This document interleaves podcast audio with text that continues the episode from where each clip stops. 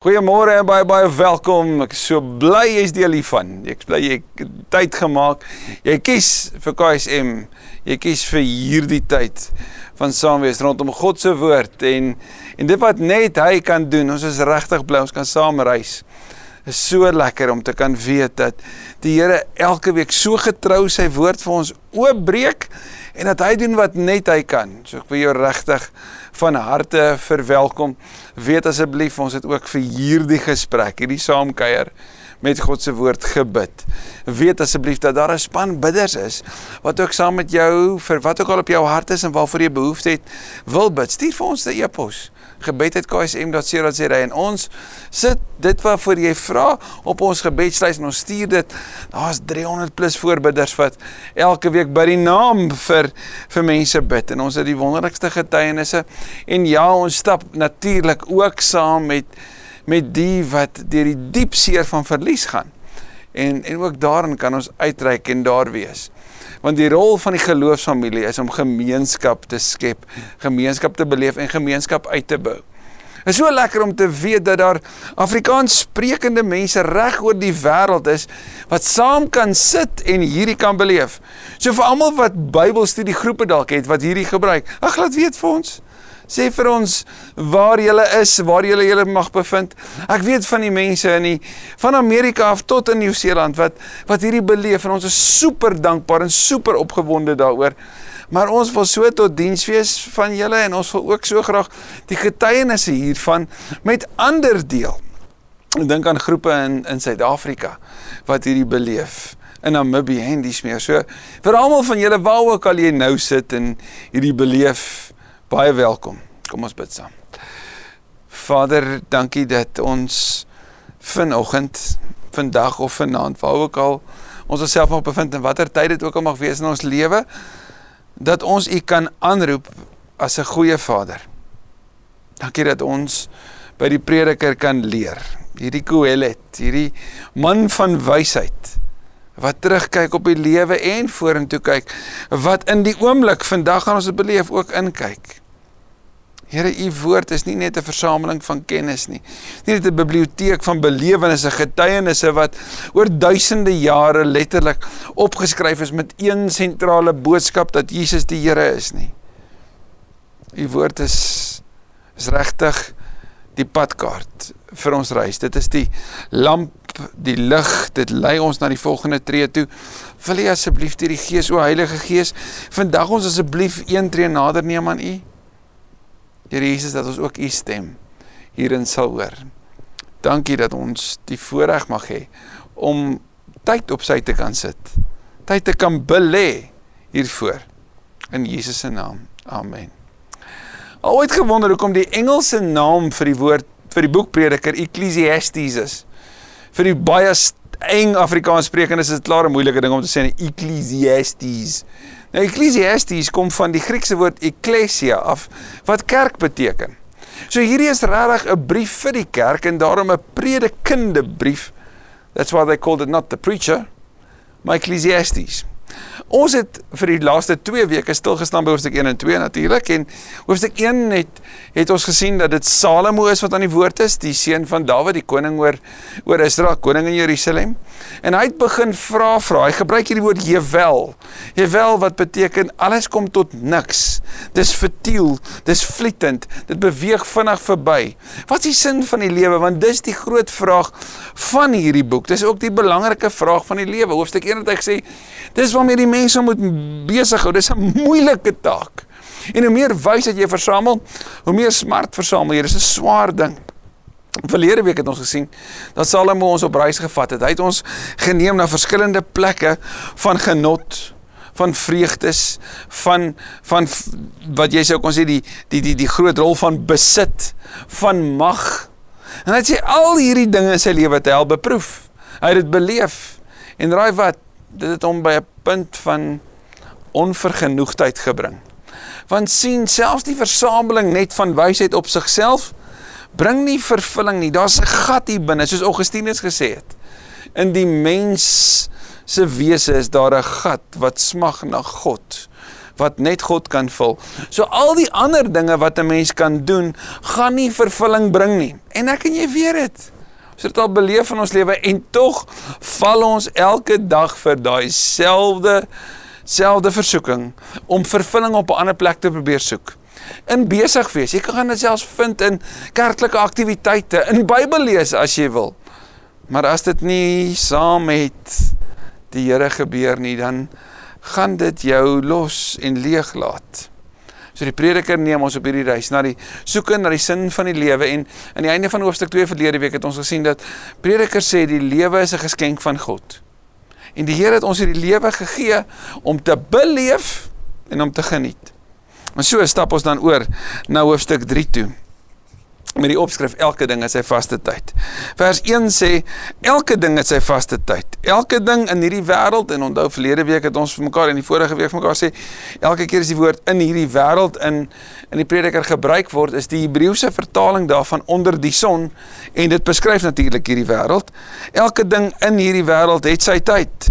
Daar is 'n tyd om gebore te word, 'n tyd om te sterwe, 'n tyd om te plant, 'n tyd om plante uit te trek. Hy begin met hierdie vaste ritme. En onthou julle in hoofstuk 1 en 2 het hy gekyk na die die die die seisoene. Na dae, na na water wat vloei, na na dinge wat gebeur, na tyd wat van oggend na aand, van aand na oggend voortgaan, hierdie sikliese bestaan van die wêreld wat die mens nie kan verander nie. En nou in hoofstuk 3 bring hy ons na 'n plek toe van 'n vaste tyd. En die belangrike van die woord vaste tyd is om te sê niks gebeur toevallig nie. Elke ding het sy plek. Hy begin in vers 2 met met die eerste van 7 van hierdie uitsprake van vaste tyd. En dan praat hy van 'n tyd om gebore te word en hy gaan ons neem aan die einde na tyd om te sterwe. En dit is asof dit die inklusio is, die omarming is van hierdie waarheid om te sê dis die totaliteit van die lewe en elke ding gebeur op 'n spesifieke tyd met 'n spesifieke met 'n spesifieke gebeurtenis en en die Here is die een wat daar agter is. Die Here is die een wat nie dinge net toevallig in ons lewe laat gebeur nie. Ja, daar's vrye wil. Ja, ons leef met mekaar se keuses. Maar ons sien mos in die verhaal van Jesus en die nie net die verhaal nie, die getuienis oor sy lewe dat ook by hom is daar kairos momente, hierdie spesifieke Godgegewe momente terwyl die kronos gebeur, die kronologie van die lewe. Ek bedoel, dit is Pilatus en, en en en Herodes en al die, die ander rolspelers wat in daai laaste week in intree, maar dit is God die outeur van die storie agter dit alles wat besig is om sy sy reddingsplan vir die mens te bewerk. So elke ding wat gebeur het daar het sy vaste tyd. Elke persoon het op 'n spesifieke plek ingespeel sodat dit wat gebeur het kon gebeur. En is nie net toe so nie, dis ook so vir jou en my. Daarom is vandag ook nie toevallig nie. Elke ding het sy vaste tyd. 'n Tyd om gebore te word, 'n tyd om te sterwe, 'n tyd om te plant en 'n tyd om plante uit te trek. En ons weet dit mos uit seisoene uit. Soms oes jy, soms plant jy. En elke ding gebeur daar binne in binne hierdie ritmes van hierdie lewe. Binne hierdie sewe sewe uiterstes wat hy vir ons wys, sien ons dat die Here se werk gebeur. 'n tyd om 'n lewe te neem sê vers 3 en hierdie woord lewe neem is nie dieselfde woord in die Hebreëus as die woord vir moord in Eksodus 20 nie. So die Here sê nie hier en daar's 'n tyd om moord te pleeg nie. Hierdie verwys na waarskynlik en ons sal dit in die die navolgende verse sien, die daaropvolgende verse sien dat dit dui op oorlog. Daar's tyd wanneer dit gebeur. Daar's 'n tyd wanneer daar as dit ware vergelding is vir dit wat verkeerd gedoen is. En ek wil dit is mos ons eie geneigtheid ook. Ons soek vergelding as daar iets verkeerd gedoen is. Onlangs 'n hofsaake hier en in Amerika dui daarop dat wanneer daar onreg was, wanneer daar magsmisbruik is, dat ander wil optree en sê maar reg moet geskied. So, 'n tyd om 'n lewe te neem, 'n tyd om 'n lewe te red, 'n tyd om af te breek 'n tyd om te bou. 'n tyd om te huil, 'n tyd om te lag. En hoor mooi dat die prediker vir ons iets wil kom sê van hierdie is die realiteite en ek en ek wil graag saam met jou net bietjie stil staan hierby. As jy na hierdie sewe verskillende uiterstes kyk, kyk asseblief daarna ook in Jesus se lewe. Het ons Jesus gesien huil? Ja. Het ons Jesus gesien lag met vreugde met kinders deel.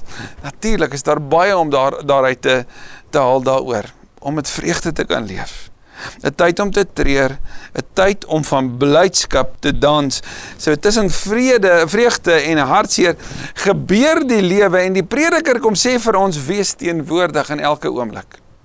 As dit 'n tyd is vir rou, rou en rou goed, rou behoorlik. Maar weet mooi, dit bly nie by rou nie. En as dit by dans kom, dans, dans, dans.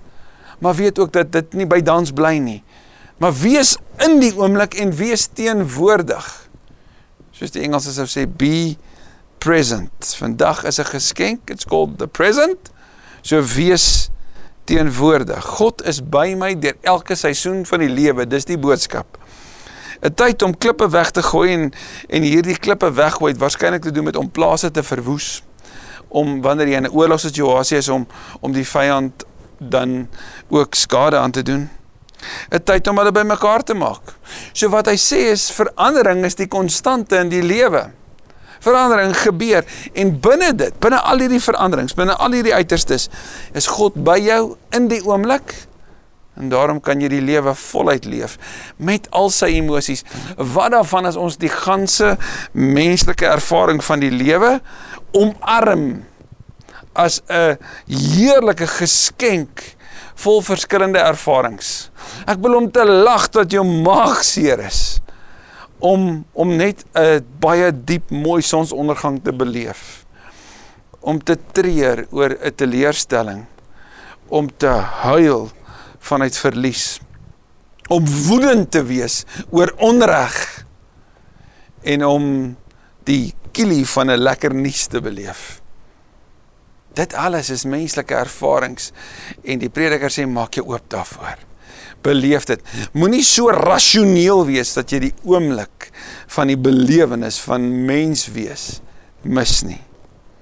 'n Tyd om te omhels. Ooh, sê almal van COVID, nê. Nee, kan lockdown net eindig dat ons mekaar kan omhels. Maar ons beleef nou 'n tyd om weg te bly van omhelsing af. Want dit is goed nou om dit te doen.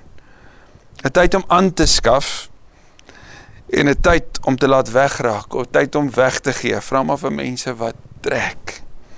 'n tyd om te spaar en 'n tyd om weg te gooi. 'n tyd om mildelik te spandeer. Dink maar aan die nardesolie. 'n tyd om te skeur, 'n tyd om toe te werk. 'n tyd om stil te bly en 'n tyd om te praat en Spreuke 15 sê die wyse weet wanneer om te praat en wanneer om stil te bly en daar's verskillende tye daarvoor. Soms antwoord jy nie 'n persoon nie en luister jy net en ander kere is dit juis nodig om te praat. En elke ding het sy vaste tyd. Elke oomblik het het sy belewenis. 'n Tyd om lief te hê, 'n tyd om te haat en hierdie haat praat nie van mense nie. As jy nou dink oor die haat wat die Here het van sonde, wat as ek en jy die haat het van onreg? Die haat van babetjies, ongebore babetjies wat se lewe geneem word. Die haat van van dit wat verkeerd is. Van nuus wat ons tref en ons net woedend raak. Daarom praat van die skrywers van holy discontent. Hierdie heilige ongemak wat jou dryf om te sê soos pappa gesê het, I stands it no more. I can't stand it no more, want dit sê vir Brutus. Ek kan dit nie meer vat nie, so ek gaan iets doen daaromtrent want ek haat dit om dit te sien. Ek haat dit argumente wat daar om om te sien hoe hoe die natuur verwoes word. So ek gaan iets daaroor doen. Daar's 'n tyd daarvoor.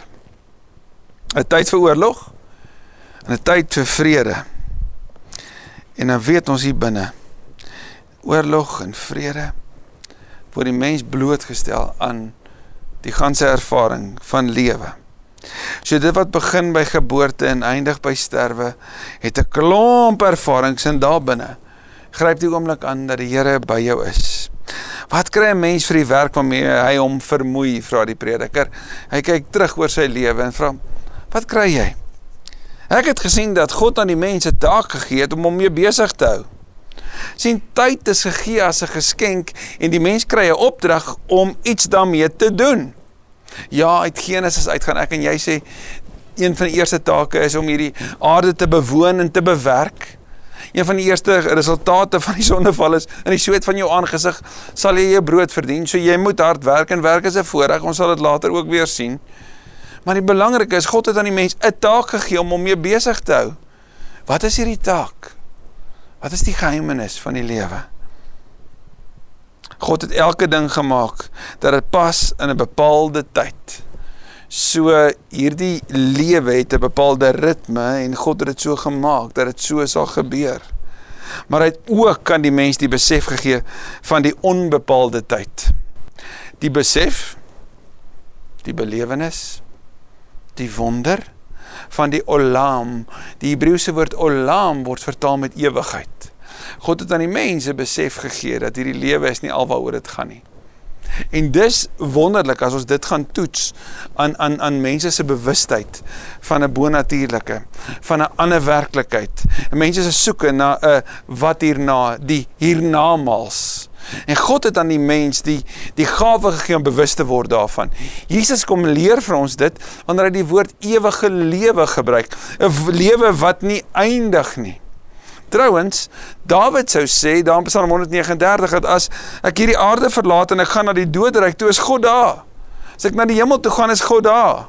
So so oral waar ek gaan, daar is die Here met sy ganse teenwoordigheid en die olam, die ewigheid, dit wat God by weet wat wat God beskryf word ook as 'n geskenk vir jou en my gegee. Jesus sê dit word verseël. Dis 'n seker wete en ja, die ewigheid van uit Johannes 17:3 is 'n verhouding met hom om hom te kan ken, maar daar's ook 'n lewe wat nie ophou nie. Wat aanhou. Hy het vir ons 'n lewe gegee wat wat wat in oorvloed is, 'n lewe wat aanhou en voortduur. God het aan ons hierdie hierdie besef gegee. Daarom sou een van die kommentare sê, "We are bound by time but wired for eternity." Dis mooi, né? Gebind deur tyd op aarde, maar geskep, bedraad vir die ewigheid. En ons het hierdie soeke na meer. Ons het hierdie soeke na daar moet iets groter wees. Hierdie kan nie net 'n toeval wees nie. Hierdie kan nie net 'n 'n 70, 80 jarige bestaan op aarde wees van gebore word, skool toe gaan, werk, kinders kry, aftree, sterf nie om te wat?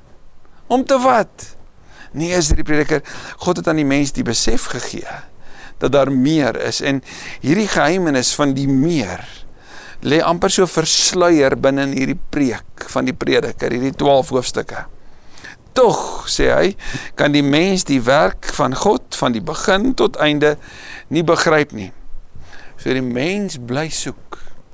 En hierdie werk van God sal Prediker later vir ons leer dan hoofstuk 8 vers 17 en dit is 'n goeie vers om te leer, om te onthou. O, ons ken Johannes 3:16, miskien moet ons Prediker 8:17 ook so goed ken. Prediker 8:17 wat vir ons gaan leer dat ek en jy, dit wat ons van God kan weet, is dat ons dit nooit ten volle sal begryp nie. Ons is soos prof Yuri Leroux gesê daar by Tuks. Ons is maar dom. Ons koppies is te klein. Sal nooit die ganse uitspansel kan besef nie.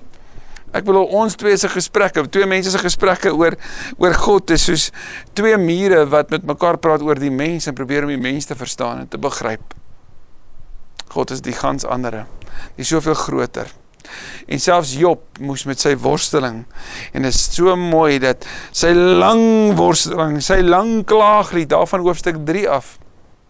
Is die langste klaaglied in die Bybel. Kry ook die langste antwoord. En die antwoord wat hy kry is nie 'n 'n fisiese tegniese antwoord van Job, dis hoe dit werk, dis wat gebeur het, dis hoekom nie. Hy kry 'n wandeling. Die Here wat hom neem na dit wat groter is as hy. Daarom is Job die een van die vier wysheidsboeke in die Bybel. Job, Spreuke, Prediker en natuurlik Jakobus se brief. 'n Mens kan nie begryp nie en tog bly die mens honger vir meer. Soos Augustinus gesê het, ek het 'n ek ek lees dit so, you have made us for yourself and our hearts are restless until they find peace in you. Ons is geskep vir U, Here, en ons harte gaan rusteloos bly totdat ons vrede vind en rus vind by U. Ek het tot insig gekom sê vers 12 dat daar vir mens niks beter is nie as om vrolik te wees en die goeie van die lewe te geniet. Daar's die plan. Daar's die plan sê die prediker. Na dit alles, toe ek agterkom, ek gaan dit nie altyd ek gaan nie alles besef nie. Ek kan my so besig hou met te soek na wysheid en die verstaan en die bestaan van die lewe en hoekom alles gebeur. En uiteindelik lei dit tot niks. So wat is vir my goed? Dat ek die lewe in sy ganse volheid sal inneem. Dat ek die murg uit die been van die lewe sal suig. Dat ek dit so diep sal inneem dat ek gereeld daarna sal dink en dink mooi hoe Jesus geleef het. Baie intens betrokke in die oomblik by die vrou van bloedvloeiing, by die kindertjies wat wat hy nader trek, by die blinde, by die saggees wat wegkruip, hoe teenwoordig hy was toe hy by die tempel was en hy onreg gesien het, dat hy 'n sweep gevleg en mense uitmekaar het geklits het, hoe hy gehuil het by Lazarus se graf. Hoe hy gesê het ek is dors, hoe hy in die woestyn vasgehou het aan sy Vader se woorde toe hy versoek was volledig teenwoordig. Getsemane se se druppels bloed wat wat wat hy gesweet het. Intense oomblikke.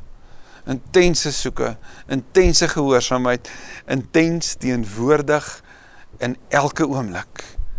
O, as ons net die gawe van teenwoordigheid sal besef wat ons elkeen het in elke emosie om dit te voel. Ek onthou van die kere wat wat diep seer gemaak het dat my maagie binne draai. Dat ek eintlik so gebuk moes sit en praat want dit was so seer. Te dink dat my liggaam dit vir my toelaat en moontlik maak. Dat ek dit alles kan ervaar.